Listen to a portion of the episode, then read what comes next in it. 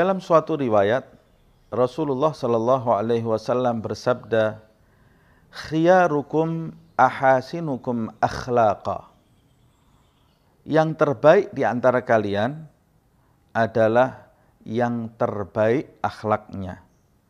Nabi Muhammad Shallallahu Alaihi Wasallam menjelaskan di dalam sabdanya ini bahwa manusia yang terbaik dalam pandangan Allah Subhanahu wa taala adalah manusia yang di dalam kehidupan sehari-harinya beriman kepada Allah Subhanahu wa taala dan beriman kepada Rasulullah sallallahu alaihi wasallam dan dia mewujudkan imannya di dalam budi pekerti yang baik, di dalam budi pekerti yang indah.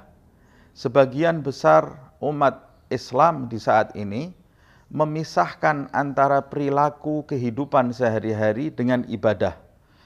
Sehingga kita dapati banyak orang yang memperbaiki ibadahnya, memperbaiki sholatnya, memperbaiki kiraatul Qur'annya, tajwidnya, memperbaiki liak liuk irama bacaan Al-Qur'annya, bahkan menghafal Al-Qur'an. Eh, kemudian dia sering pula menghadiri majlis, membaca kitab, uh, membaca hadis Rasulullah Sallallahu Alaihi Wasallam, tapi kemudian kita dapati di dalam uh, perilakunya sehari-hari dia tidak mencerminkan sebagai orang yang sholat, tidak mencerminkan orang yang menghafal Al-Quran, tidak mencerminkan orang yang membaca kitab, membaca hadis Rasulullah Sallallahu Alaihi Wasallam itu karena dia memisahkan antara kehidupan perilaku sehari-harinya dengan ibadah yang dia lakukan padahal semua itu adalah satu kesatuan yang tidak bisa dipisahkan. Jika kita ingin mengetahui apakah sholat kita benar atau tidak, maka kita bisa melihat bagaimana perilaku kita sehari-hari. Itu sebabnya di dalam ayat inna salata tanha anil fahsya'i wal munkar. Sesungguhnya salat itu mencegah pelakunya dari perbuatan keji dan mungkar.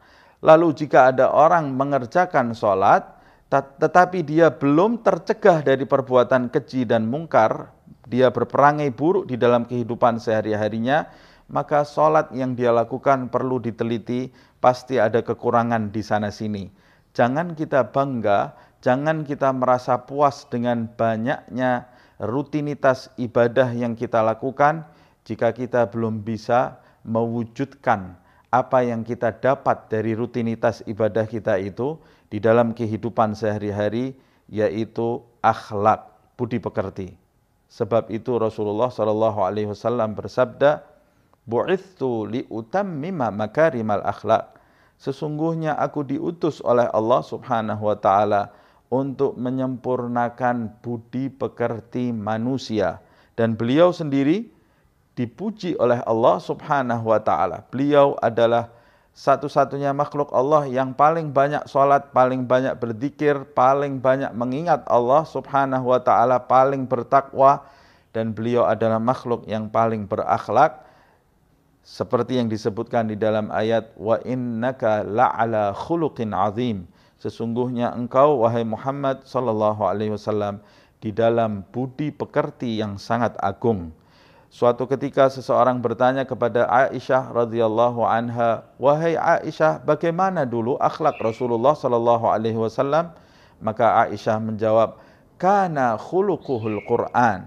Akhlak Rasulullah itu seperti Al-Qur'an, yakni dia adalah Al-Qur'an yang berjalan. Itu sebabnya mereka yang membaca Al-Quran, maka mereka wajib mewujudkan akhlak Al-Quran di dalam kehidupan sehari-hari, sehingga mereka bisa menjadi orang yang terbaik di zamannya, seperti yang disabdakan oleh Rasul, khiyarukum ahasinukum akhlaqa, yang terbaik di antara kalian adalah yang terbaik akhlaknya.